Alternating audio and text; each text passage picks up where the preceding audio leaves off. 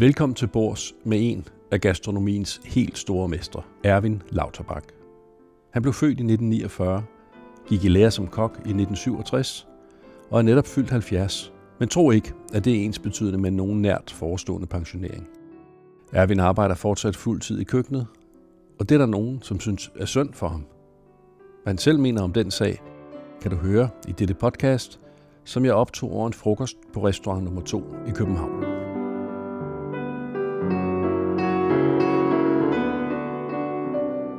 Erwin, du er jo øh, en af de store. Det har du været lige så længe jeg kan huske det. Jeg gik i lære øh, som kok i 79. Der var du og Søren Gericke. I var ligesom dem, når man talte om kokke, så var det jer, mm. man talte om. Ja. Og der er brød. Tak. Du var en af de helt store. Ja. Øhm, og øhm, altså, du er så sej, fordi du har været der lige siden. Du har stået i køkkenet, du laver mad hver dag, du har formet den danske gastronomi i 80'erne, og du har holdt din kurs gennem nouvelle cuisine, gennem fusionskøkken, gennem molekylær gastronomi og nordisk køkken, som du jo nærmest selv har opfundet. Du insisterede på grønt og nordisk nærhed før nogen andre, og så havde du fuldskæg før nogen andre kom. Ja, okay. Det, har du, det har du stadig. Det er en anden farve i dag. Ja, ja. Ja, det er rigtigt. Det er røde, det er forsvundet. Altså, ja. Erwin vrider sig som en ål, når man roser hans mangeårige indsats i dansk gastronomi. For han er ikke typen, der holder af at blive hyldet. Derfor giver han sig ofte til at tale om Søren Gericke i stedet. Altså, jeg har jo respekt for Søren Gericke. Ikke? Men ellers er det jo ikke noget, man tænker på. Det, det, det, jeg vil ikke kalde det tilfælde, men, men, men man, man havner lige på en gren, og det nye køkken, den år jeg rå. Altså det er La Nouvelle Cuisine, jeg kan huske, jeg abonnerede på Git Gourmillot, og var mega frankofil. Så, så øh, den år jeg simpelthen og sagde, det er lige mig det her, øh, ja. at lave noget mad. Jeg ved godt, der er lidt eftermæle om, at det var lidt for mad. Lidt for lidt mad på tallerkenen i forhold til det, der var år før. Ikke? Øh, men altså, det, altså et eller andet sted, så tror jeg, det, det betyder rigtig meget for, at man kunne tænke anderledes. Man behøver ikke tænke i, i titler, altså admiralretten, prinsesseretten, benedikteretten, øh, bonfamretten. Som, altså, som du var lært ja, op med? Ja, jeg lært op med, at alt havde ligesom et navn, og alle havde en historie om, at den serverede man til det kongehus på et tidspunkt. Øh, det var ligesom glem alt det. Lave noget mad, kig ned i gryden, og så skabe noget selv, og det skulle ligesom havne, for at ligesom vise det, det nye køkken, skulle ligesom havne på sådan meget tydeligt, hvad der var for noget. Ikke? Altså, øh, en af de der, der det gik sådan aller værst til, og selvfølgelig blev det, var det ligesom at blive at finde på, og på et tidspunkt, så kan man ikke finde på mere, så bliver det absurditeter. Altså, øh, vi laver en, øh, en asparges sorbet, øh, på den måde, at vi tog sådan, fik en, en asparges og lagde på, på en tallerken, og så kom vi florsak over, så fjernede vi aspargesen igen. så var der ligesom aftryk af aspargesen og sådan en lille kugle sorbet. der begyndte folk at sige, nu øh, står den også på regningen, ikke? men, men, men, men et eller andet sted var det fantastisk, og det, det, sige, det er jo Søren øh, Gerke, som, som, som øh, på sin helt egen måde, det, han laver faktisk ikke Lando Cuisine, det tror jeg ikke, at han vil, øh, han vil sige ja til, men han var selvfølgelig inspireret af det. Han lavede sgu sine egne retter. I andre, vi tog ud og besøgte så mange af de der 62 stjerner restauranter, vi overhovedet kunne. Og på, på Copenhagen, der, der var startet nede i 72, og var der hele 73, der kom der jo kokker op ned fra øh, Roger Verger, som havde tre stjerner. Ja. Fordi han havde lukket om vinteren, så var de oppe og hjælpe Tønnesen, som havde restauranten, han havde god kontakt. Og dem lærte man jo rigtig meget af. Og ikke nok med det, når vi så var færdige kl. 11 om aftenen, så tog man jo samtidig med ud øh, til andre. Den største oplevelse, det var at lige komme ud til øh, øh, Assinière, ja. hvor han var ude. Øh, han vil stadigvæk have tre stjerner. Øh, lang tid efter. Jeg har glemt øh, Ja, tak. Han, nå, jeg har lige tabt hans navn, men, men øh, han er nede i på-området. Øh, og kom derud og se den der, den der engagement, det var. Det, var. det var også lidt uvandt, at øh, folk var så engageret i det at lave maden. Ikke? Ja. Og det her, det har jo smittet af, ikke? Og, og øh, når man så kommer hjem efter sådan øh, to år i, i, øh, i Var det, jeg skal lige høre, var det din første tur i Frankrig? Jeg kan huske, du har fortalt mig, jeg har- at du, du var der nede som ganske ung kok, Ja. og du rent faktisk finansierede de her studier med, med, med pornografi. Ja, ja, det gjorde jeg. Altså, jeg, jeg startede i elev 67 nede på Holbikro nede ved grænsen, og når så havde sin 14 dages ferie, så satte man ligesom bare tommeltotten ud, og så var man stort set dagen efter i Paris. Lidt træt og lidt fedtet, ikke? Og det er rigtigt nok, altså, fordi i, fra 67 til 69 var øh, Holby Crusoe-området fedtet godt og grundigt ind i porno. Det var simpelthen, tyskerne kørte over, porno var frigivet, Hulbøl Mark, hvor jeg var på, der var der fire huse, der var tre af dem, der var der pornoforretning i, så det var ligesom hverdagskost. Ja. Så at smide sådan fire blade ned i sin øh, rygsæk, Ja. og tænkte, det kan man sgu nok sælge dernede. Og det, og det eneste, jeg kendte sådan et fræk område øh, i- i Paris, det var Pigalle, som var sådan et forlystelsessted, der var lidt prostitution. Ikke? Men, men lynhurtigt fik jeg solgt tre, tror jeg, pornoblade, som gjorde, at jeg øh, bookede ind på et godt hotel og kiggede op på Notre Dame Kirke og boede en hel uge for Ja. ja. tre pornoblade. Ja. Så jeg er lidt småprostitueret.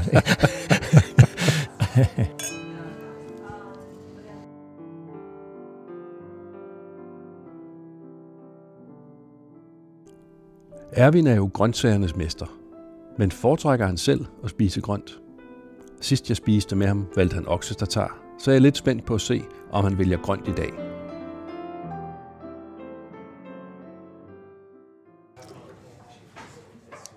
Blæksprutte, ja. Jamen, lidt voldsomt måske til frokost, jeg ikke. De er jo små. Har du set, der er vaffel? Det er sjovt. Det er også sådan en ting, der er kommet lidt fra, Lidt, lidt, det fra England. Er det ikke? øh, Ja, jo. USA? Altså det eneste skulle- i hvert fald det er, at øh, om de laver vaflerne selv, fordi når man går ud til ham Kondi derude, så kan man simpelthen få alt. Ja. Og det meste af det er faktisk bedre, end man selv kan lave det. Nå, Øh, altså specielt sådan noget bagværk der, ikke? okay. Hvad med øh, tarteletter, for eksempel? Ja, og jeg vil sige, talater er jeg ikke god til at lave. Man er god til at lave, øh, hvad hedder de andre nu? Dem er på, på et jern, man dypper ned i. i Krustader? Krustader. Det er lidt bedre. Krustadeopskrift, det synes jeg er bedre. Men, Du solgte da dit krystadejern forrige år på loppemarkedet, ja, ja, ja, ja, det var ikke det gode stykke. Vi har den. Ikke? Nå, nå, nå.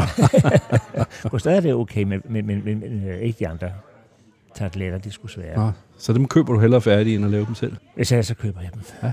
Men det jeg så gør, det er, at jeg brænder dem af i ovnen, så de ser rigtig brændt ud. så de er hjemmelavet ud igen. Altså, fordi jeg, jeg, vil godt lide, også, det gælder brød, alt muligt andet, det skal være ordentligt bagt. Ikke, ikke Ja. sådan noget slaske noget. Nej, nej. Ja, ja men øh, jamen, det er også at man skal tage sådan en, øh, altså, øh, en vaffel først, og så en blæksprut bagefter. Det passer fint for mig. Vi har nogle trippelstegte pomfritter med trøffelemulsion, hvis I kunne tænke jer at få det ind til anden ret og dele også. Jeg ved ikke, om det bliver... Ikke nødvendigvis for mig. Ikke sammen med vaflen. Ikke for mig, men øh, Nej, du skal nej jeg tror også, ja. Vi ved, at vi gerne vil starte med noget skinke, i hvert fald. Ja, En, en, en, ja, ja, ja. Og en stor.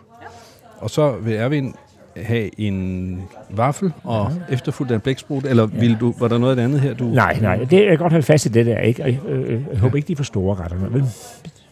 De er sådan mellemstørrelse. Mellemstørrelse. Ja, vi, kan- jeg kaster mig ud i det. Jeg har godt selskab, så det går. Ja. Tag en føler og se, om I har lyst til mere bag. Ja, ja. Så, Ja, ja. Ja. to vafler og to blæksprutter. Det ved jeg ikke. Øh, nej, jeg tror, jeg skal øh, på... Øh, jeg tror, jeg skal prøve noget oksespidsbryst. Det er sådan en rigtig Erwin-ret. Ja, ja, det er. Er det ikke? Jo, det er Ja. dejligt. Ja, og øh, ja, Ja, ja, Ja. ja. ja. Hvad skal vi drikke? Altså, hvis det er til at betale, har I hvid Bordeaux? Nej. Nej, nej, okay. Men jeg vil, jeg vil helst have hvidvin, hvis jeg skal sige ja. noget. Du, er det noget, du er glad for? Synes jeg. Ja. Ja. Det får du så sjældent. Okay. Mm, mm, mm. Så nice. Nå, de har nogle danske vine også. Det noget for dyre, synes jeg, til kvaliteten. Ja. Ah, jeg ved sgu ikke. Jeg ved. Der er jo Skal vi altid bare tage noget liv af landevejen her? Ikke? noget champagne, måske? Skal tage champagne? Ja, jeg ved sgu ikke. Nej, det, der er frygtelig meget. Altså, mange af dem kender jeg overhovedet ikke. Det må jeg ikke om. Øh, hvem er en tysker? Hvad har du noget det? En tysker? Til frokost? Det er en tysker. En tysker. En tysker. Matador. Noget Riesling? Ja, det synes jeg. Ikke? Ja. ikke. Nå, der har de... Ja, Det var den der Barton. Var det ikke en Barton der? Barton, der er Løgmer og Leon Barriere og Markus Molitor er en barriere. Altså, jeg tror, det var Alsace. Ja, det troede jeg faktisk også. Jamen, det er det også. Okay, det står bare under Nå, Riesling. okay, ja. Ja. Men hvis vi skal, vi har Mosel, vi har Pfalz, og vi har Reinhessen. Fals. Og, vi. Fals. Fals. Fals. og der er to Pfalz. Der er Bassermann Jordan, Kalkofen og Hochenmorgen. Ja. Øh, Hochenmorgen er fra 13, Ja. og Kalkofen er fra 15. ja, jeg vil bare tage 15'eren. Skal vi tage 15'eren? Ja. Ja, det, jeg kender ikke øh, økonomien i det. Nej. Øh, men Det, det skal det afgøre. hele skal jo ikke handle om penge. Nej, nej, nej. Det Jeg skal synes, det alt handler om penge i nej, dag. nej, Det gider nej. vi ikke. Jeg skal nok sørge for at nyde det. Ja. ja.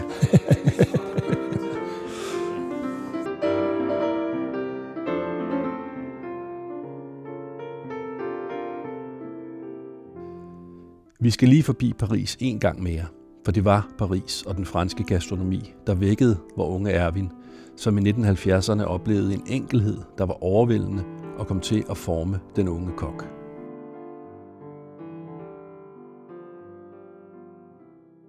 Altså, jeg, jeg var, altså, to omgange har været sådan en måned ude på noget, der hedder Le Duc, på Boulevard Raspail, en fiskerestaurant. Det var to brødre Michelin. De havde en stjerne.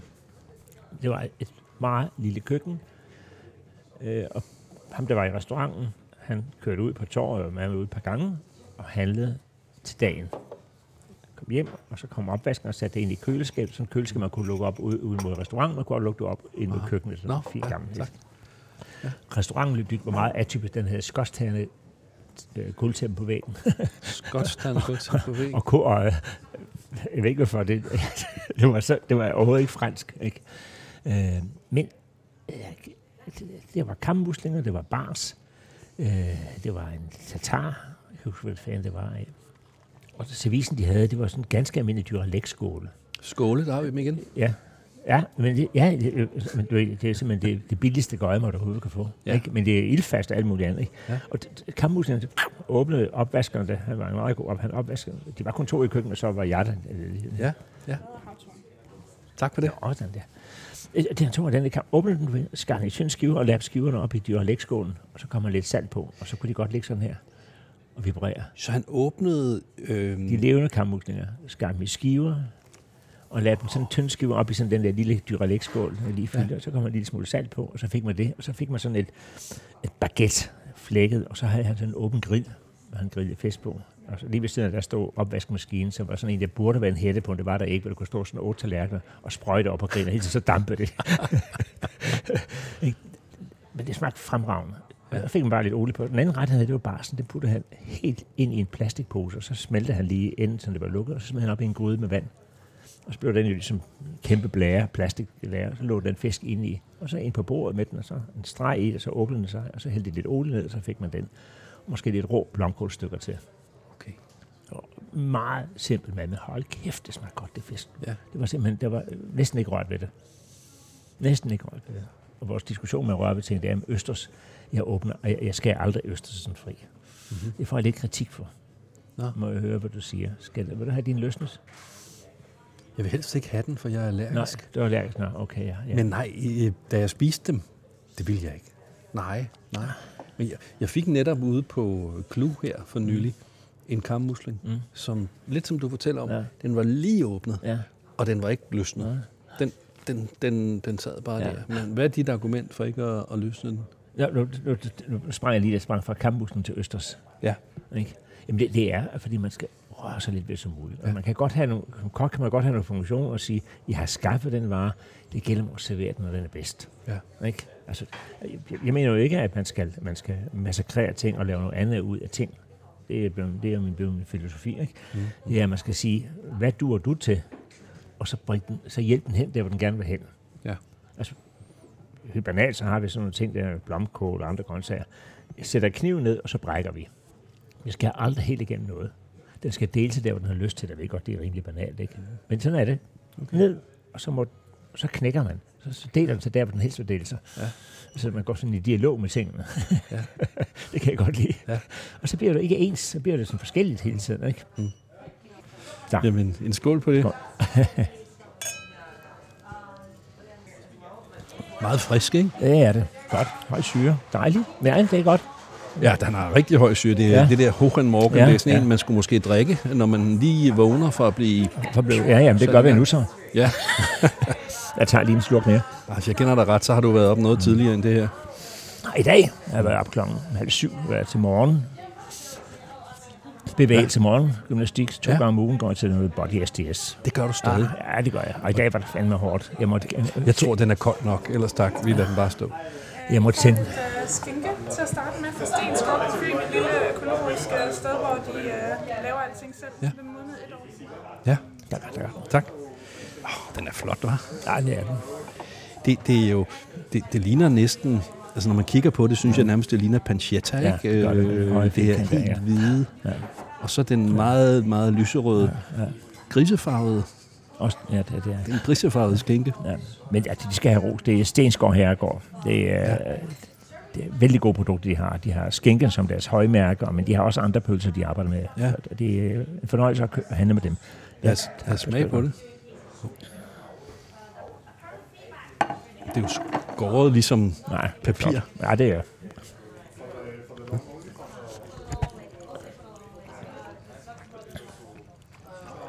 Og det er dejligt, at vi selv laver skinken, og ikke bare sender den ud af land, og så køber den dyrt tilbage, ikke? Ja. ikke? I tynde skiver, ikke? Jeg skal selv lave det. Og det har jo virkelig, i mange år var det jo øh, Slagter Munk oppe i, i Skagen, der var ligesom det eneste Ja. ja. danske skinkebrand. Men den har jo, den her er jo noget, noget helt andet. Man kan smage øh, svinekød, man kan smage. Mm. Der er ikke så meget salt i, vel? Nej, nej, nej, det kan man, nej, nej, det er, det er det flotte ved, at man ikke behøver at salte den så meget, for at få den til at blive en fornøjelse. Ja. Den er, det er øh, meget fint. Jeg vil godt række mig et stykke mere. Er der ikke også øh, nogle urter i? Er der ikke en eller anden urtesmag? Det er der. I hvert fald lidt krydderi i. Lidt krydderi som... Øh,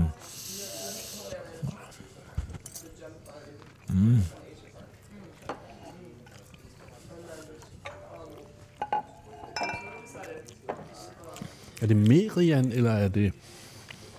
ja, det kunne godt være mere end... Altså, det vil jeg kunne teste. Men det er meget sådan Ja. ja. aromatisk. Ja, godt lide det. Hvad er det for noget brød, vi har fået her? Nybagt. Gærbrød i hvert fald. Det dufter Det, gær. det, det minder mig en lille smule om det brød, jeg fik sidst, jeg spiste inde hos dig. Og, og det var sådan lidt... Det var sådan gammeldags. Det var sådan lidt... Øh, Det er kernemælksbrød, jeg laver. det er kernemælksbrød, Ja, okay. hvad er det der? Altså, til frokost i hvert fald, ikke? Ja. Og så laver vi et andet brød om aftenen, lidt mere glutenholdigt. Men det er et kernemælksbrød. Men altså, det brød er jo mega levende. Og det bliver sådan, som den laver. Det, altså, den person, som laver det, skaber en ny nuance hver gang. Ikke? Altså, man skal, man skal faktisk snakke med sin, sin dej, når den hæver. Hvis man er ligeglad, så bliver dejen også ligeglad. Det er rigtig, rigtig vigtigt, at man øh, er nærværende, når man øh, laver brød. Det skal man altid være, når man laver mad. Men når man laver brød, så skal man virkelig være der. Man skal tænke på den, man skal være ind over den, og ikke lade den stå hverken for koldt eller for varmt. Men det er et dejligt produkt at arbejde med. Ikke fordi jeg er specielt god til at lave brød. Det er mine elever, de, er faktisk, de, de laver det hver dag. En gang med så, øh, når det ikke er elever nok på arbejde, så skal jeg lave det ikke. Og så må jeg sige, at øh, resultatet, slutresultatet bliver godt. Det ser ikke så godt ud lige nu, men slutresultatet bliver godt, fordi jeg er nærværende. Mm. Ikke? Så, okay. Har du altid bagt selv? Øh, ja, altså øh, de hvide brød. Altså et eller andet mærkeligt sted, så har jeg ikke været god nok til at lave rugbrød.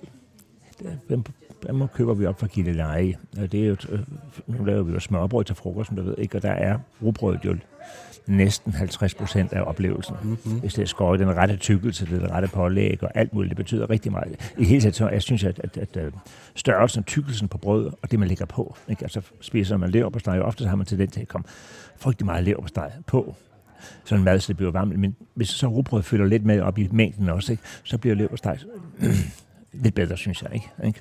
Men det, det smørbrød er interessant, fordi at, øh, der skal så små vibrationer til, til at gøre det til en delikatesse, og til at gøre det noget hverdagsagtigt. Ja.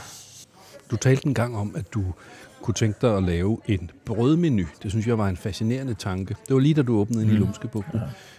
Tænkte, talte om, at man skulle kunne vælge, hvad for en type brød. Jeg synes, Ja, det var ja, ja, genialt. ja. Det var jo genialt, og, og, og det skal til at komme, fordi smørbrødet er kommet så langt det, fra. ja, ja. Og rugbrødet skal jo spille, det spiller jo ja, så en ja. større og større rolle. Ja, ikke? ja, ja, og det er jo, et, øh, altså, jeg kender ikke andre lande, der kan lave rugbrød. Nej. Altså, svenskerne har prøvet på at lave rugbrød. Jeg ved ikke, om de kommer sukker, eller hvad fanden de gør, men det smager ikke godt. Det smager ikke af rugbrød.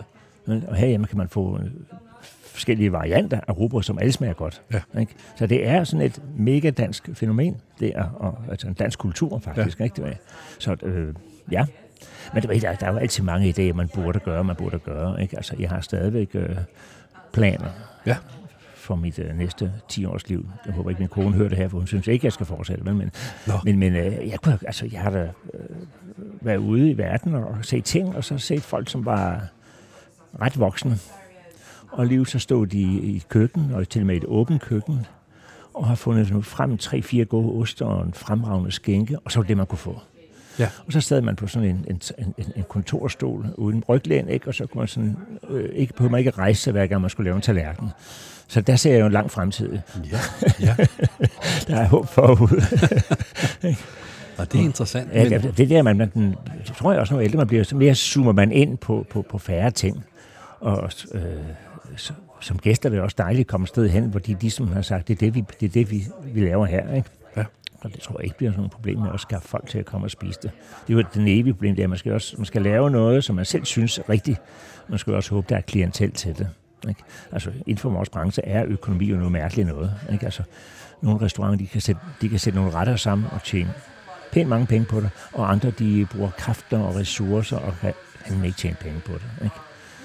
Så, så, så det er, det er en, en mærkelig balancegang, som jeg ikke tror, der er en helt klar opskrift på. Nej. Øh, der er ofte, når man taler med kokke, så vi taler om det her med at arbejde øh, tre dage om ugen. Det er der flere og flere mm. steder. Ja. Eller, Der er i hvert fald nogle, senest jeg var på den her Alouette hjem, mm.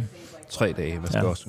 Og så er der nogen, der en gang imellem bruger dig som eksempel, og siger, Jamen, altså, se nu på Erwin, han er nødt til at stå her og, og, og arbejde i, i den her fremskredende alder. Det er sgu synd, at han, at, han, at han er nødt til det. Og jeg plejer at sige til dem, jeg, jeg tror ikke, man skal sige, det er synd. Jeg tror faktisk, at det er det, Erwin mm. han vil.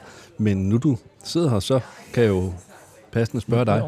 Jo, jo, jo jeg skulle sige, at øh, altså, jeg, jeg står ikke i køkkenet på grund af økonomien. Jeg står i køkkenet, fordi jeg holder der simpelthen af det. Og øh, jeg synes, det giver mig rigtig, rigtig meget, øh, den der at stå i køkkenet og danse med de andre.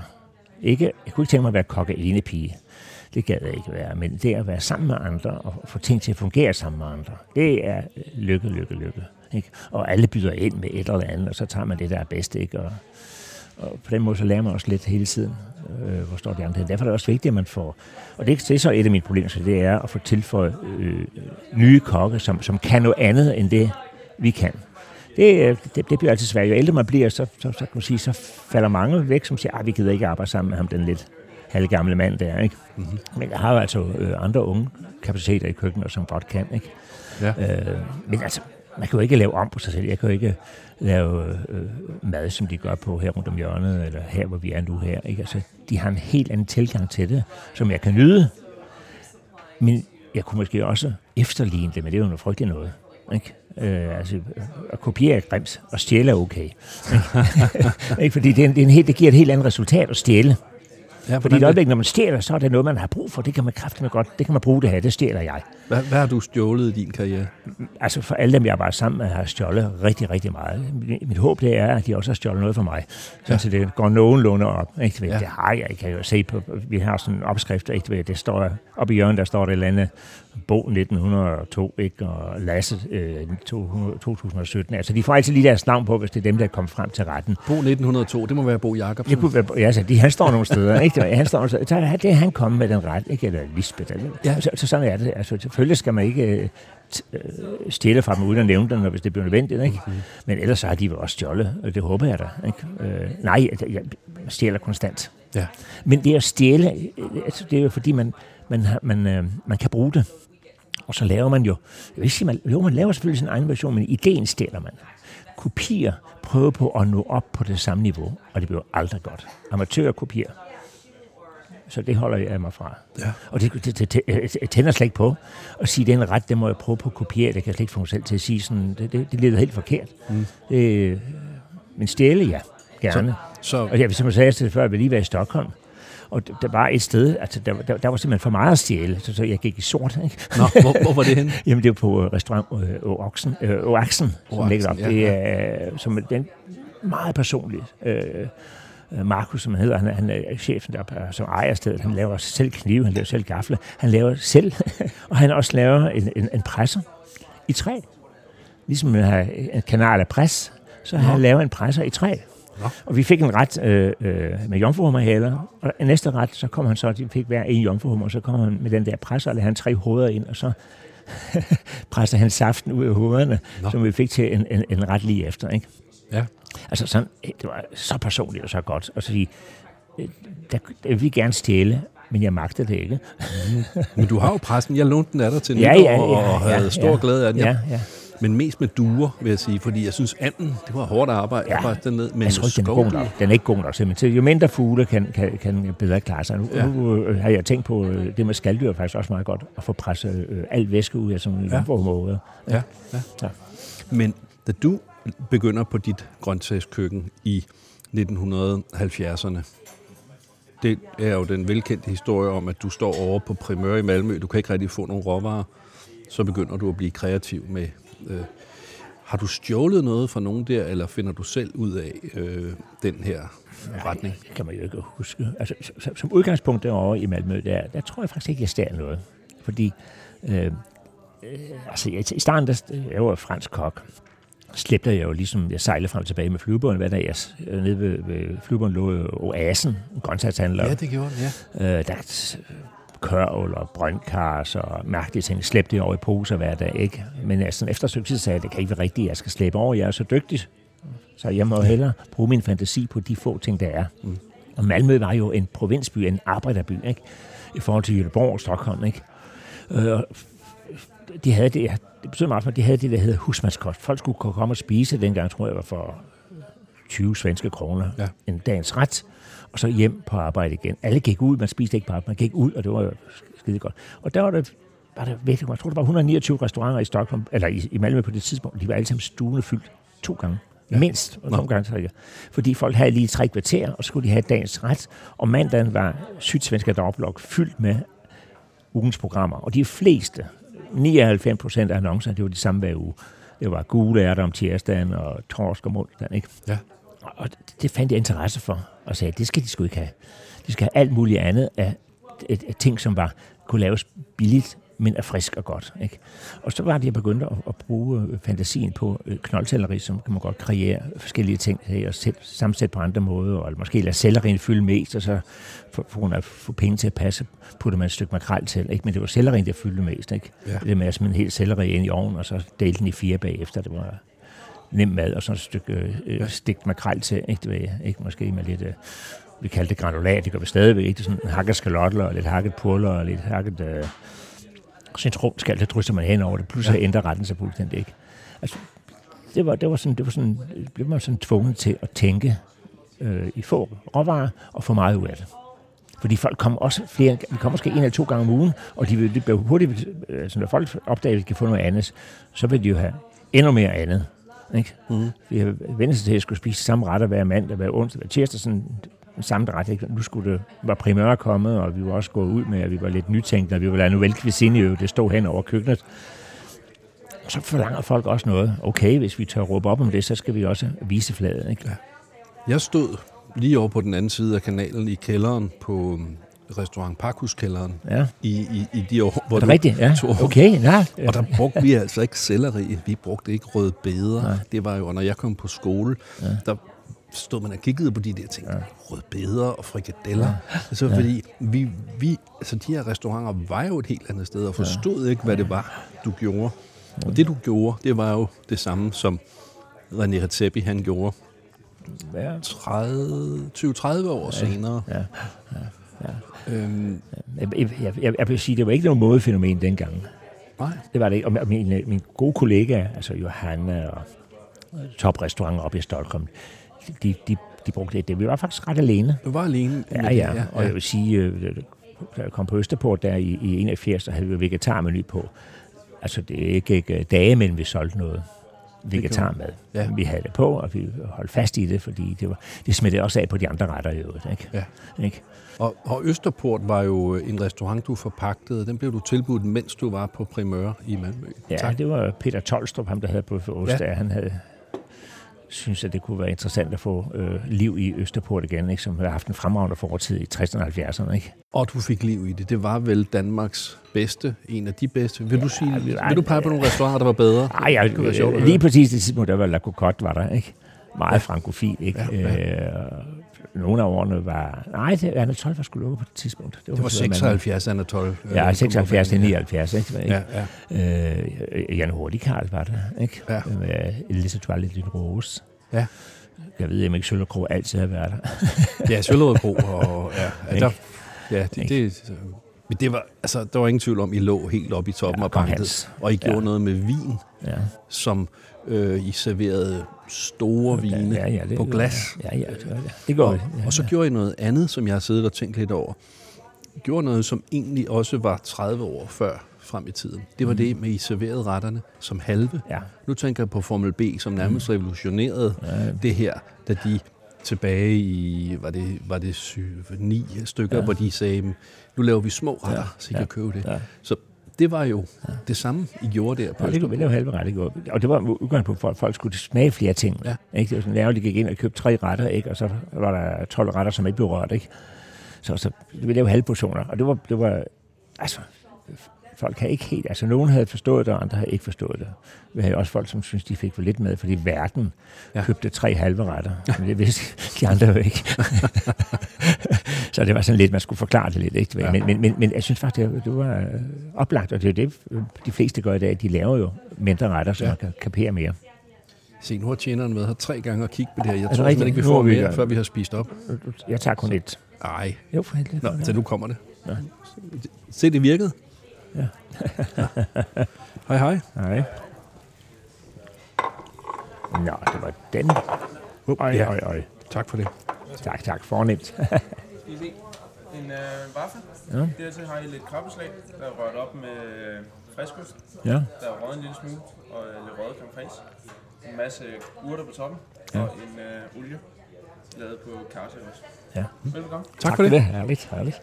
Nå, det ser godt ud. Ja, vaflen ligner det en, man kender, ikke? Ja, det gør det. Jeg er lige med at finde vaffelformen med så store huller. Det er ret flot. Det er Ja. ret flot. Hvornår har du sidst fået vafler? Øh, ah, på, som dessert har jeg fået det øh, i efteråret. Som dessert. Men det er ja.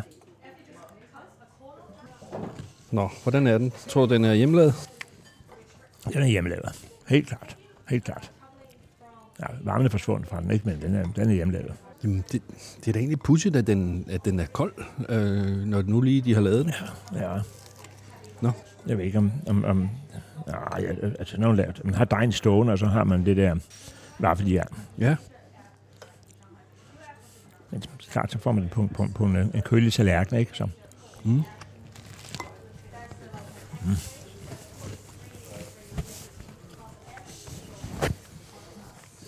Jeg havde et vaffeljern på kostskolen. Maden var simpelthen så dårlig på kostskolen, og jeg var ret kredsen. Så havde nappet jeg et, et vaffeljern med hjem fra øh, min mors køkken. Det lukker jo sådan her, Ja, det kommer, ja. kommer ikke op. Og så lavede jeg pariser toast, eller Okay, ja. monsieur. Ja. Så efter maden, så kunne kammeraterne komme ind, og så kunne de købe sådan en pariser toast Ja, på mit værelse for en helvede. fem. Ja, det var satan god. Jeg brugte så saltkød, det var lidt billigere end skinke. saltkød og så de der øh, Ja. skiver. Og øh, det kan man altså godt leve af i fem år. Det er jeg et eksempel på. Jeg levede godt. Ja, det er godt. Ja, ja, ja det er, er et godt initiativ, ikke? Ja, ja. Men, men øh, jeg- jeg var faktisk ikke klar over, du, altså, det vidste jeg jo ikke, at du har været kokkelærer nede på Parkhuset. Jo, med Willy Nielsen var ja, ja, ja. køkkenchef. Ja, det var han. Ja, jeg kan godt, jeg, jeg kan godt huske ham. Han var sådan en, en, en person, han Ja, det var han, jo, jo. op på dit niveau, men, men det var meget med det nye franske. Ikke? Ja. Og, og han sagde, hvis I skal lave frikadeller, og sådan noget, kan I lære på skolen. Ja. skal ikke lave frikadeller her. Ja. Så derfor er det så interessant at tænke tilbage på, Mm. at, at det du lavede i de der år, og fik den her store succes, men det var det, vi ikke lavede, fordi vi var så snobbede, så, Ja, ja, så fine ja, på ja, den, ikke? Er helt misforstået. Men det var, det var jo heller ikke, altså i princippet var der heller ikke klientel til det, jeg lavede. Det var der ikke, når de kunne få det for 20 kroner, ikke? Mm. de havde lidt svært ved det, når, når der, der var midt af, at de skulle betale et større beløb, ikke? At, at grøntsagerne fyldte så meget. Det her, det her det var, det var, det var, ikke, det var ikke succes. Det var det ikke. I hvert fald ikke økonomisk. På, på Østerport? nej, øh, i, i Malmø. Nej. Nej, på Østerport, der, der, der, der, der, der var det så heldigt, at jeg vil sige, de første tre måneder på Østerport, der var ikke, der stod folk på ingen måde i kø i GoFundMe. Det var faktisk lige en Kaufmann, som, som skrev først lidt om det, at man godt kunne få øh, øh, ordentlig mad øh, på Østerport og så Ebbe Mørk han anmeldte bagefter. Så, så, så, så, var der, så kom der hul igennem, og det, og det var takket være øh, avisomtalen. Ja. Ja, ikke? og det, er- sådan, er, sådan, sådan er det. Mm. Sådan var det i hvert fald dengang. Man kan sige, hvis man skal snakke om, om, om en, en, øh, en, øh, en restaurantsucces, som var, så var det jo faktisk Mindship. Jeg, Ja. tænker, jeg tænker tit I, på det. Man, I 80'erne eller 90'erne? ja, ja. Hvornår er det? Ja, det er sgu huske det. Men, men det, det var sådan den første restaurant, som lå ude i Nowhere. Ikke? Mm. Og så er jeg altid beliggenhed, beliggenhed, ligesom en ejendomsmælder. Ikke? Ja. Men det beviste de i hvert fald, at, øh, at Boserup og det fjerde, der var med det der, ikke tilbage, at man kunne godt kunne få københavnerne til at komme ud i et mørkt industrikvarter ja. og få en oplevelse. Ikke? Ja, ja, Jeg ja. har tit tænkt på, når folk siger, at det ligger ikke godt, det, går ikke så godt. Ja, det er sgu ikke det, for det, der er noget vej med det, du laver. Ja. Ikke? Mhm. Ikke? Det var, det var, jeg, desværre kom jeg aldrig selv derud. Nej. Jeg ved ikke, om du har været derude. Jo, jo, jeg var Ja. derude. Det var jo smart. Ja, ja det var smart, ikke? Ja. Ja. Altså, jeg kan jo slet ikke udtale mig om kvaliteten, ikke? men jeg fik i hvert fald folk derud. Ja. Ikke? Så. Der var Boserup jo en, en, en stjernekok. Men sig mig, hvordan var det for dig at vokse ind i den her rolle som, som stjernekok? Som, altså, du var jo du var Søren. Først var det Søren, og så var det dig, der begyndte at optræde i, øh, i, i, de første madmagasiner. Nå, ja, ja, ja. Hvordan, hvordan oplevede du det? Jamen, jeg, øh, jeg, tror som ikke oplevede det andet. Vi, var glade for, at folk var opmærksomme på os, og, tage, øh, at vi man kom i madbladene, ikke, og øh, lave lidt tv, men man var også øh, nervøs. Mm. Ikke? Specielt det der, når jeg kørte ud til Mørkhøj, da jeg skulle lave tv-køkken, det var, jeg var faktisk ikke særlig glad. Fordi Nej, nej. det, var, det var hård kost, ikke?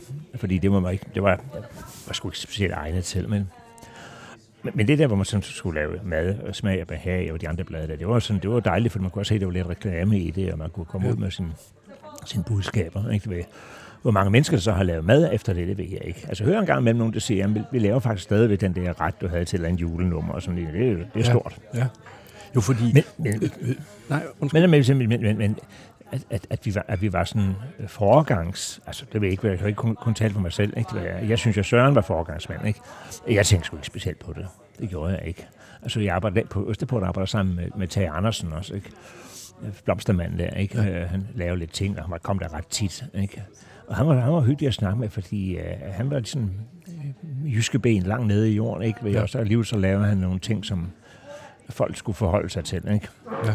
Øh, men derfra til, at man sådan var på nogen måde var epokegørende. Jeg, kunne- jeg kunne godt lide, jeg kunne godt lide samarbejde. At, at lykke var for, at det ligesom, at man, de andre kan godt snakke med mig. Altså øh, Søren kan godt snakke med mig, Jan Petersen kan godt, Jan Hurtigkarl. Altså, det man sådan selv var klar over, de var fandme gode. De kan godt snakke med en, ikke? Altså, det var, det var, det var, det var sådan stort, ikke?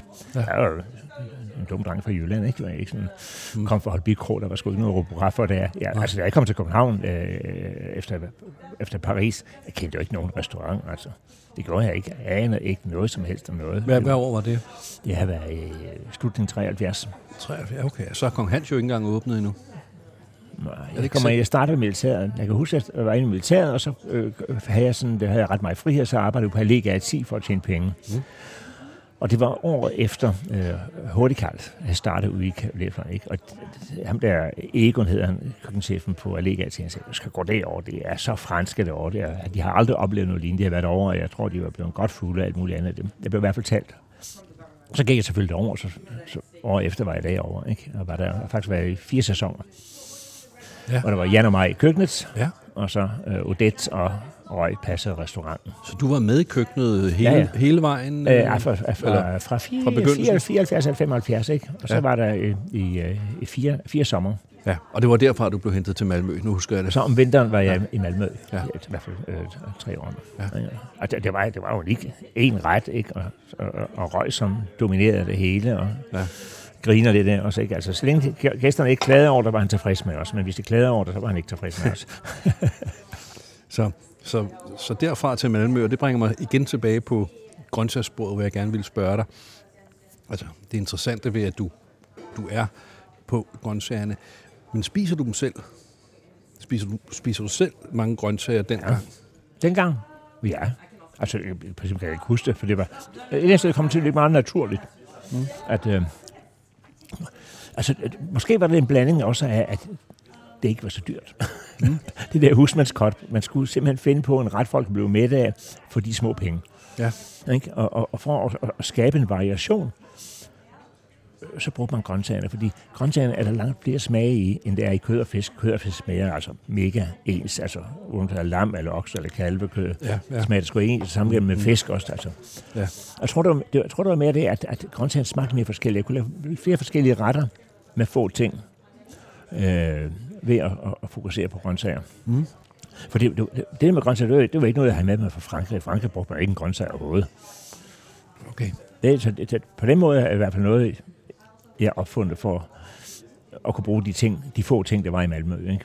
Ja, okay. Nej, nej, Frankrig brugte ikke grøntsager overhovedet. Jeg kan ikke huske, man brugte noget dernede. Men jeg tænker på det her med grøntsagerne. Grunden til, at jeg spørger om det, det er, at jeg prøver sådan at finde en forklaring på, at du, din energi, at du er en alder af, du er nu, Jeg, jeg, jeg bliver 70 næste uge. I næste uge. Næste uge. så må jeg jo hellere få skrevet noget om det. Nej, nej, nej. nej, nej. Men, men, øh, Men altså, du er 70 år 49. gammel, og du ja. arbejder ja. dag ud, dag ind, Nej, jeg, jeg er der. Jeg har fire vagter om ugen, fire vagter om Ja. ugen. Okay. og det er heldagsvagter. Ja, ja. Så det der at- finde energien til det, nu har du engang fortalt mig, at du begyndte på at gå til gymnastik, body SDS, da du var 50. Ja. Hvor du Ligesom, ja, min kone hun sagde, nu må du gøre et eller andet, ikke? Fordi at, Ja. ja. jeg havde ikke, altså fra jeg var 18 til jeg var 50, dyrkede jeg ikke noget. Det var ligesom, arbejde fyldte alt, ikke? Øh, hun gik selv til det der, og så kom jeg i gang med det, og så er jeg blevet vældig hooked på det. Ja. Og du har ikke fået skiftet dine hofter eller dine knæ? Nej, jeg, jeg vil sige, at jeg er mega heldig eksemplar. Men det er også sådan, hver år til nytår, så siger folk, hvad ønsker du dig næste år? Kun én ting. Godt helbred, for det er basis for alt. og det, jeg var heldig øh, at slippe for skavanker. Ja. Skavanker. Der er selvfølgelig der, der er meget, der er selvfølgelig tænkt, at jeg skal, jeg skal bruge lidt briller, og, og måske høre jeg ikke helt fantastisk. Ikke? Hvad var? Måske hører jeg ikke helt fantastisk. du er på vej. Så, nej, nej. Al- Altså, øh, altså, jeg kan kun anbefale folk, at de gør et eller andet. Ja. Ikke? Eller går en tur, eller gør noget. Altså, altså ja, sådan er det. Fordi man skal jo også øh, kunne øh, en gang med dem klare og, og gå ud og få lidt god vin og lidt god mad. Ikke? Og, og, og, Ja. og det skal jo øh, bagefter skal det jo ligesom ud af kroppen igen på en god måde. Ja. Hvis man ikke holder alle... De, altså, alt, alt arbejde, selv køkkenarbejde, er jo monoton, når det kommer til stykket. Ikke? Det er de samme ting, man bruger, øh, samme muskler, man bruger. Ikke? Man skal ligesom have ud af det andet. Altså derfor så, øh, dirigenter er jo altid fantastiske. De arbejder lige meget med begge sider. Derfor lever de længe, ikke? Nå, nå. Ja, det er sådan nogle ting. Jeg kan godt lide sådan, øh, altså, at tænke i de baner der, at kroppen skal jo bruges, og man skal finde sine, sine, de punkter, man ikke bruger til daglig. Ja. Dem skal man ligesom få iltet lidt, ikke? Øh, og det, det, synes jeg opnår ved, ved Body SDS, det er, at jeg kommer ud i nogle punkter, som jeg normalt ikke kommer ud i. Og det har du også gjort, i hvert fald tidligere.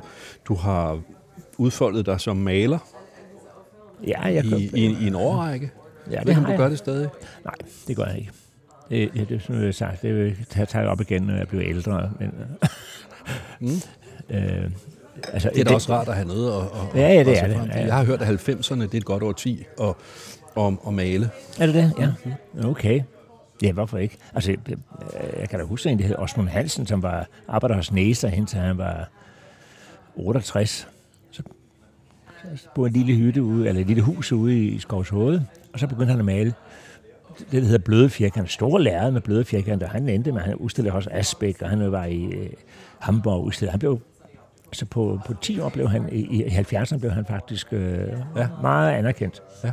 ja. Og lavede dejlige billeder. Ja. Ja, det gjorde han. Jeg holder også meget af dine billeder, dine meget glade, meget farvestrålende, hyggelige ja, øh, motiver. Altså, ja, ja, jo, jo, det er hyggeligt. Det er, jeg er ikke så glad for ordet hyggeligt, men, men det, det bliver hyggeligt. Det er i hvert fald ikke skræmmende. Nej. Og, er der noget med folk, der hygger sig? Jo, jo, jo det er folk, der hygger sig. Ikke, ikke? Altså, det, altså, jeg laver rigtig mange billeder fra Østerbro. Øh, men på Østerbro i hvert fald i 70'erne, billederne de er sådan fra midten af 70'erne til starten af 80'erne. Ikke? Der var der stadigvæk lidt gode baggård, og der var øh, stadigvæk ham, der solgte silden på budcyklen, og der var stadig ismejeri øh, og klørbunde og alt noget, det man kunne få sig øl. Ikke? Og, og de folk, de levede altså øh, på klørbunde. Ikke? Ja. Og øh, i Viborggade i 70'erne var fandme et stridsted, der var virkelig spændende. Ikke? Altså, hvor man kan... Øh, når klokken var 24 juleaften og kom hjem fra svigermor, så kunne man gå derned, og så var der god julestemning. Kom du på Klørbunde? Ja, Klørbunde, ja, og den anden, jeg ikke huske, den hed, den hed uh, Søfrød, tror den hed. Ja. I Viborggade. Ja. ja. Det var fordi, jeg boede på Strandboulevard. Det gør jeg der stadigvæk, ja, ikke? Ja. Uh, der i uh, 70'erne. Kom, kom du så derefter service om aftenen og gik ud og fik nogle øl? Ja, ja det gør man da. Ikke? Ikke? Der var uh, overskud. Ja. Ikke? Og så det, jo, jo, det gjorde man. Jeg også man kom hjem til kogen, ikke? I stedet for at sidde op i lejligheden, så gik man ned og, og, og ikke at ryge, men at få noget røg, ikke? ja, ja, okay. ja. Og det, der, altså, øh, jeg vil sige, øh, 70'erne, det, det jeg vil sige, at gå tilbage til maleriet igen, de folk, som var på, på, på billederne, Tak. Øh, var jo sådan lidt øh, blanding af taber eller alkoholikere eller et eller andet, ikke?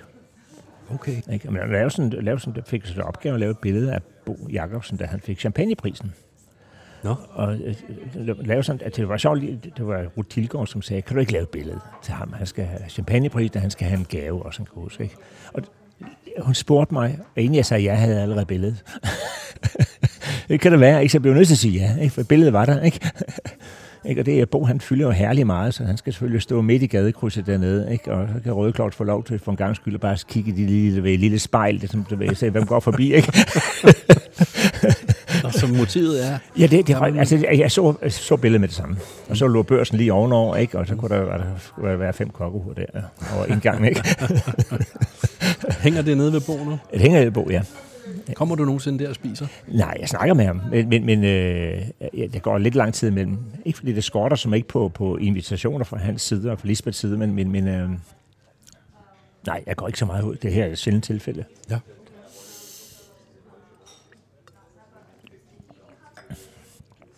Der var noget, som jeg ikke fik spurgt om før. Nu springer jeg lidt i tiden. Det var Paris.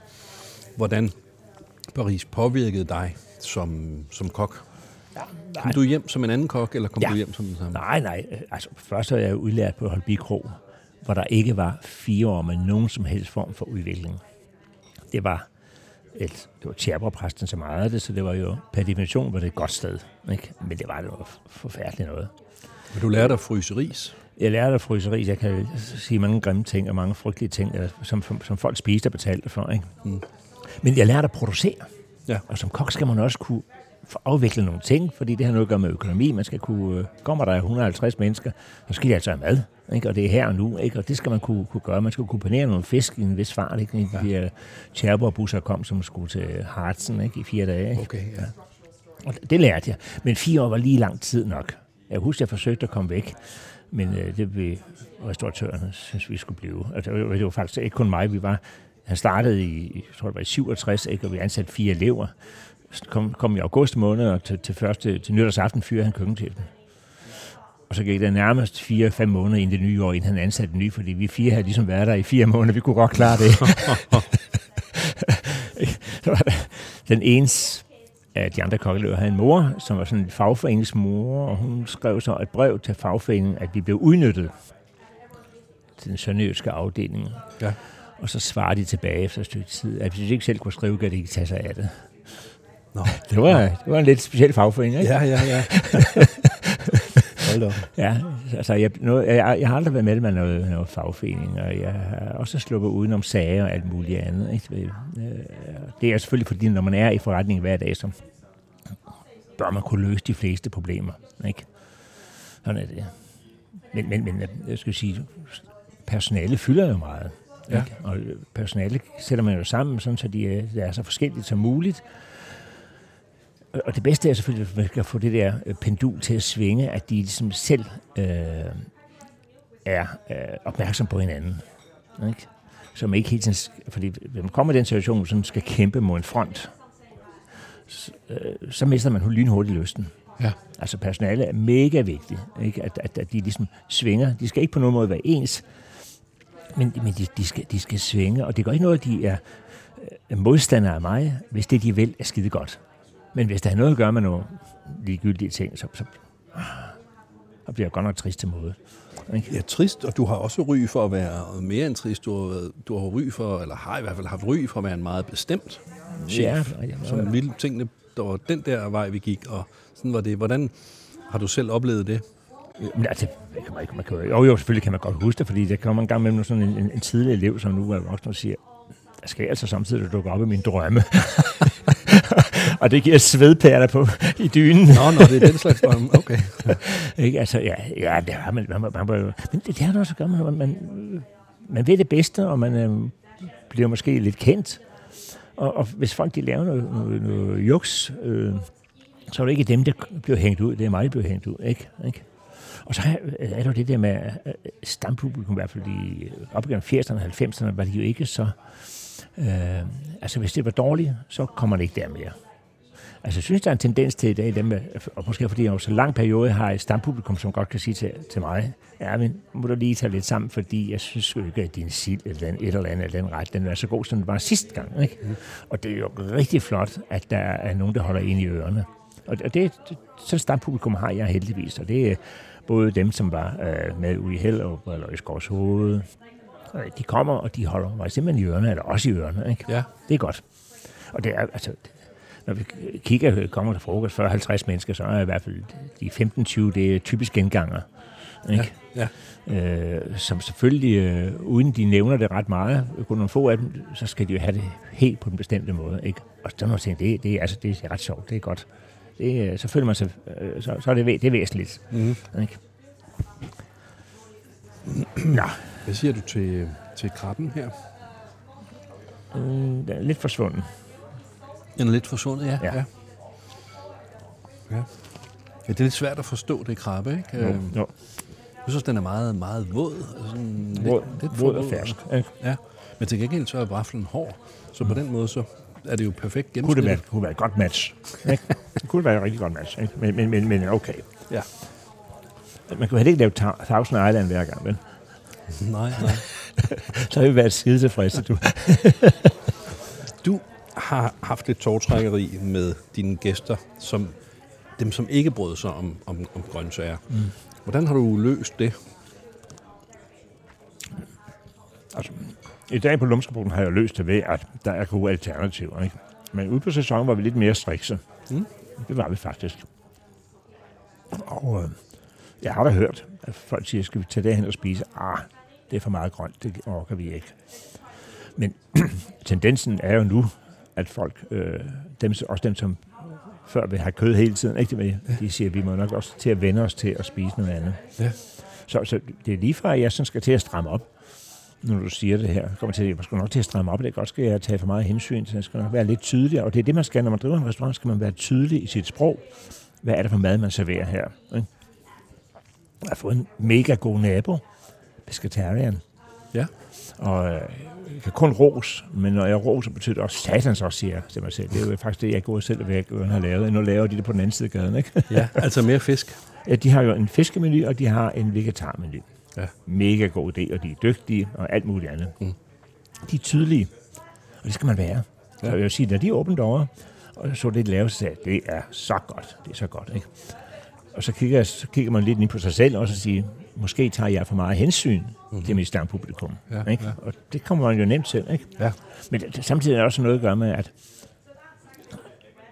udstrålingen af de to restauranter, Lumskebungen har jo sådan en historie, som gør, at man måske, altså jeg har mere lyst til at lave det, jeg i princip laver. Mm. Ikke? Skal jeg til at lave noget andet, så er det ikke sikkert, at det passer så godt til stedet. Altså, jeg, jeg er meget påvirkelig af, hvordan er restaurantens historie, hvordan er indretningen, hvordan er beliggenheden, og hvad er det, er det en moderne bygning, er det ikke en moderne bygning, ikke? Altså, og Lumskebugten er jo en øh, lidt historisk bygning. Ikke? Så, så man kan godt tage nogle klassikere op. Ja. Altså øh, vandbanks og chokoladesauce kører som varmt brød. Mm-hmm. Ja. og det, er, så det er jo en dejlig ret, man aldrig tager at spise. Ikke? Og også det der med, at det er jo svært at kombinere smørbrød til frokost, og så lidt andre retter også, og så om aftenen i princippet køre et lidt andet køkken.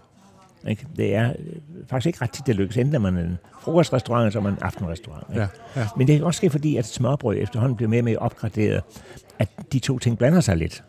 Ikke? At, at det, det er jo andre tilfælde, hvor, hvor smørbrødsrestauranter kører den andre ting om aftenen, ikke? Altså palæ. Ja, ikke? palæ, ja, ikke? ja, ja, er jo ja. et, et, godt eksempel også. Ja, ja.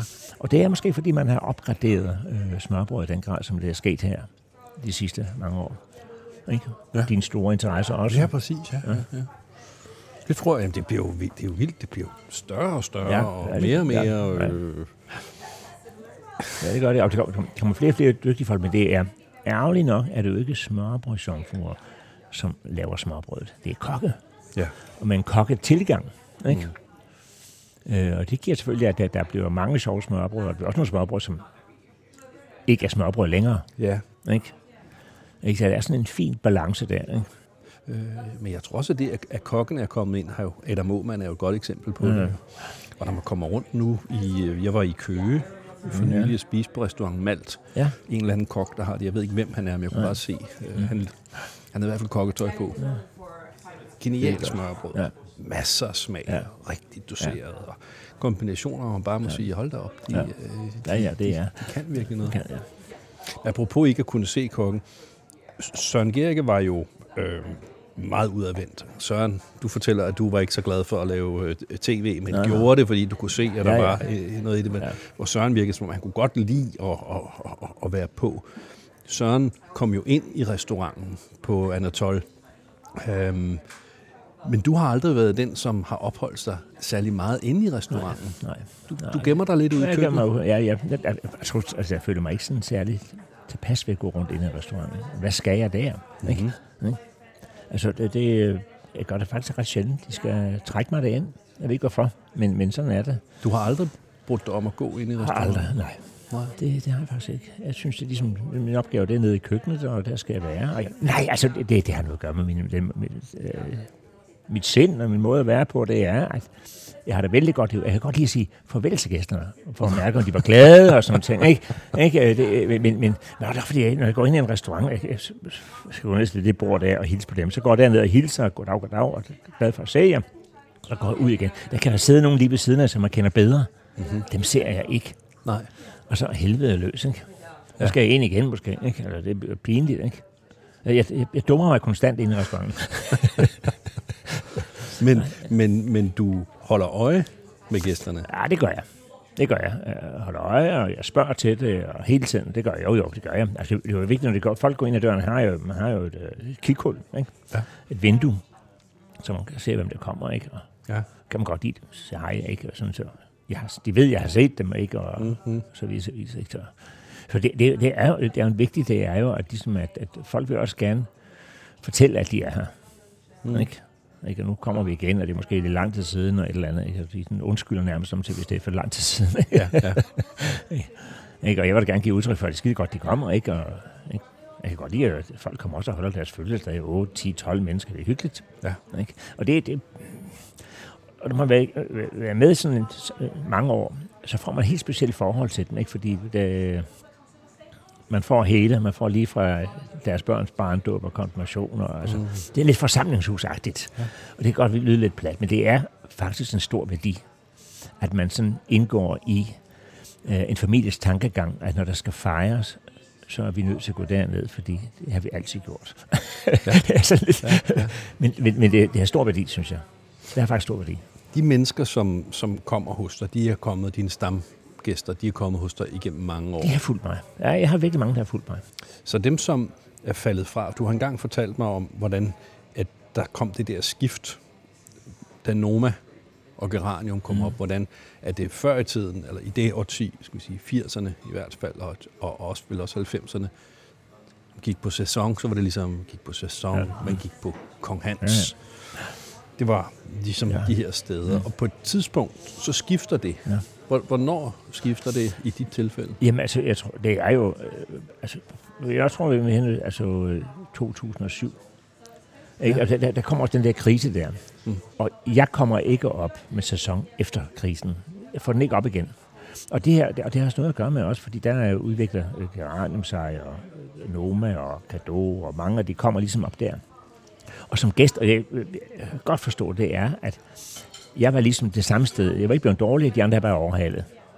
Og sådan er det. De andre er øh, mere spændende og mere interessante, ja. de overhaler simpelthen. Ikke? Og det betyder så også, at når man har bestilt bord på Kado eller på en af de andre steder, så taler man om det.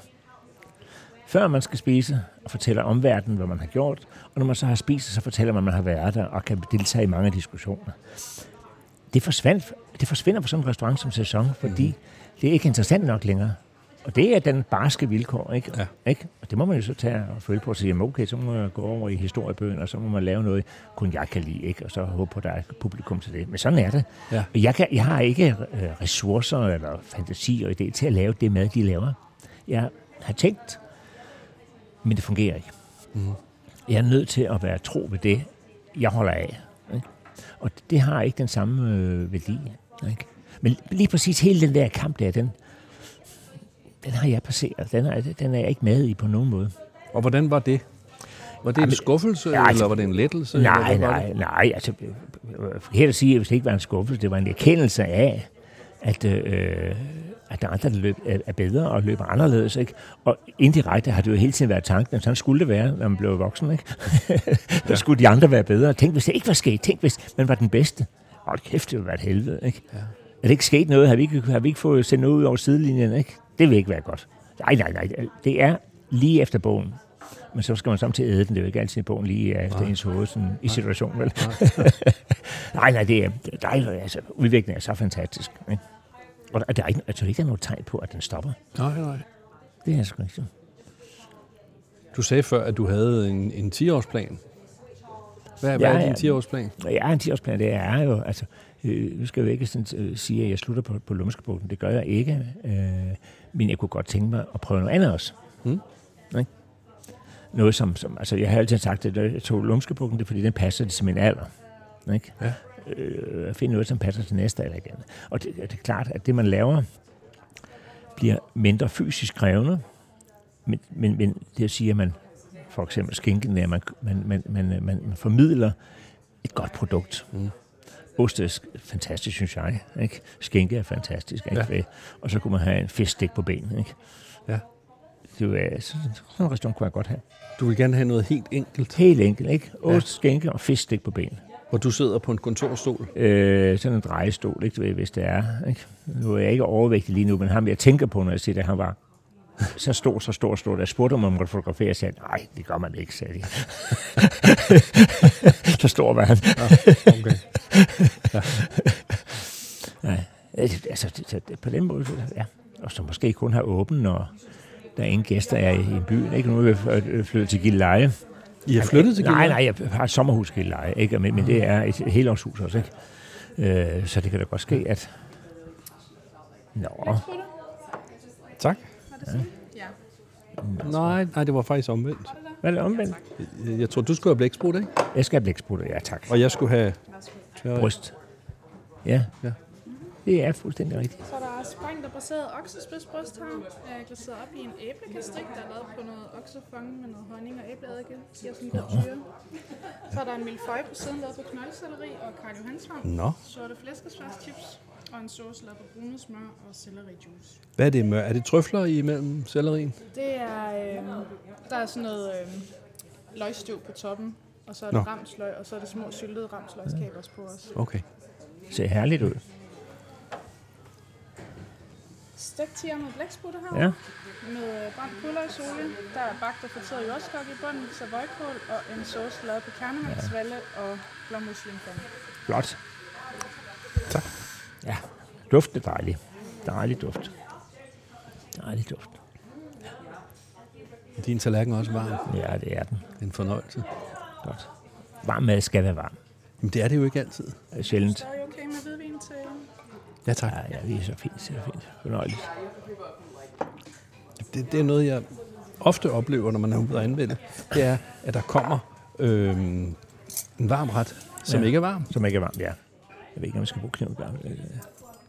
Det er det, det er det, ja.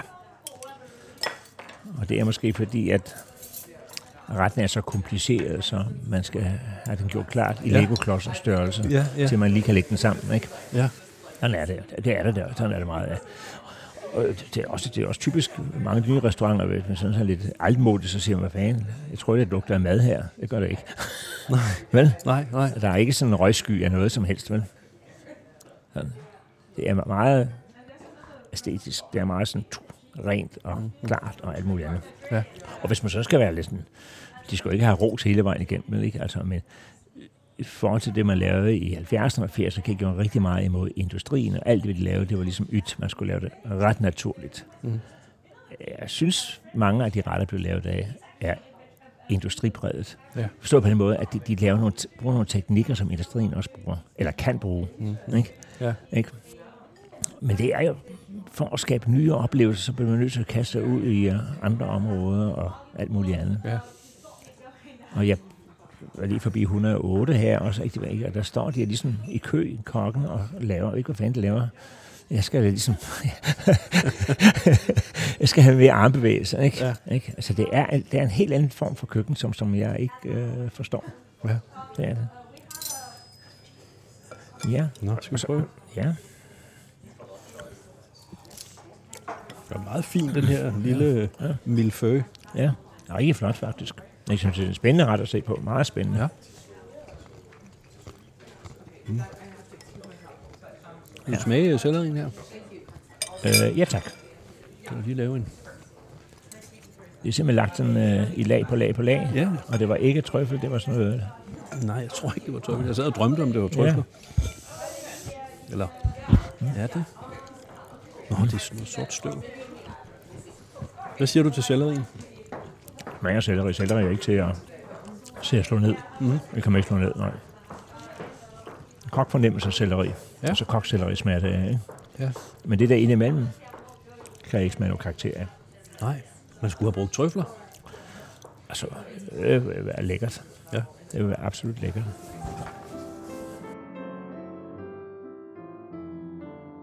Jeg er lidt nysgerrig for at høre den her idé, du taler om, med måske at have et sted, som er mere enkelt. Og Mm.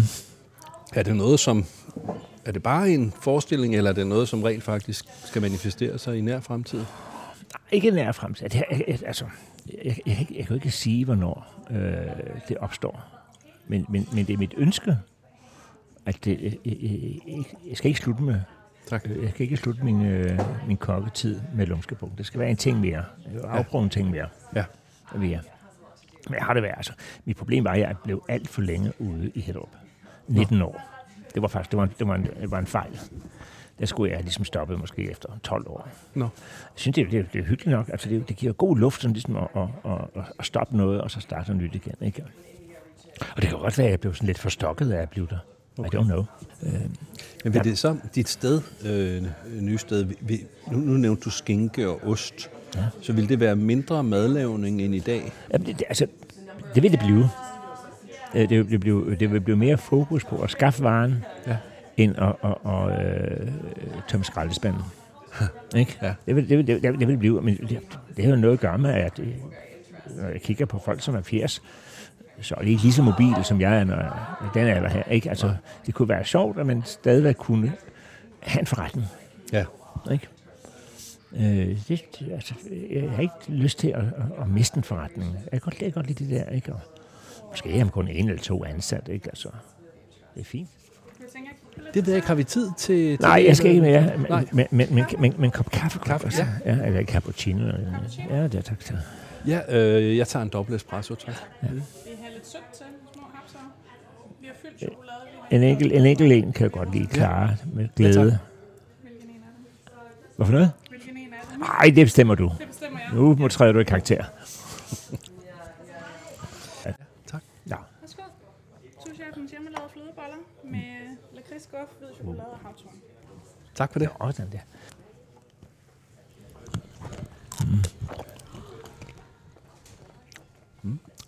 Jeg har ikke ur på.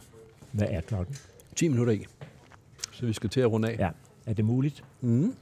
Men du har jo fine gæster til det frokost, du har. Ai Weiwei. Ja. Hvad skal du lave til ham? Jamen altså, det, det er, øh, han får stenbider.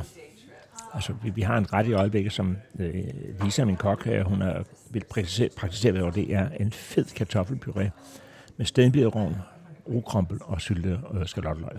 Ja. Så får man faktisk tempereret kernemælk til. Tempereret kerne. Det smager mega godt. Nå. Det smager mega godt. Så anrettet i en dyb skål. Nej, flad tallerken, sådan en ordentlig kartoffelsted, sådan en lind, fed, altså der er både smør og fløde i kartoffelpuré, og så ligger roven hen, og så brødkrumpel over, løgring, og så lidt karse, og så får man en skål ind med kernemælk lige hen og henover. Altså, det er en fremragende kombination. Jeg skal have den til min fødselsdag. Compris détresse, cher amoureux, et je cède à tes voeux, fais de moi ta maîtresse, loin de nous la sagesse, plus de tristesse, et j'aspire à l'instant précieux. soon.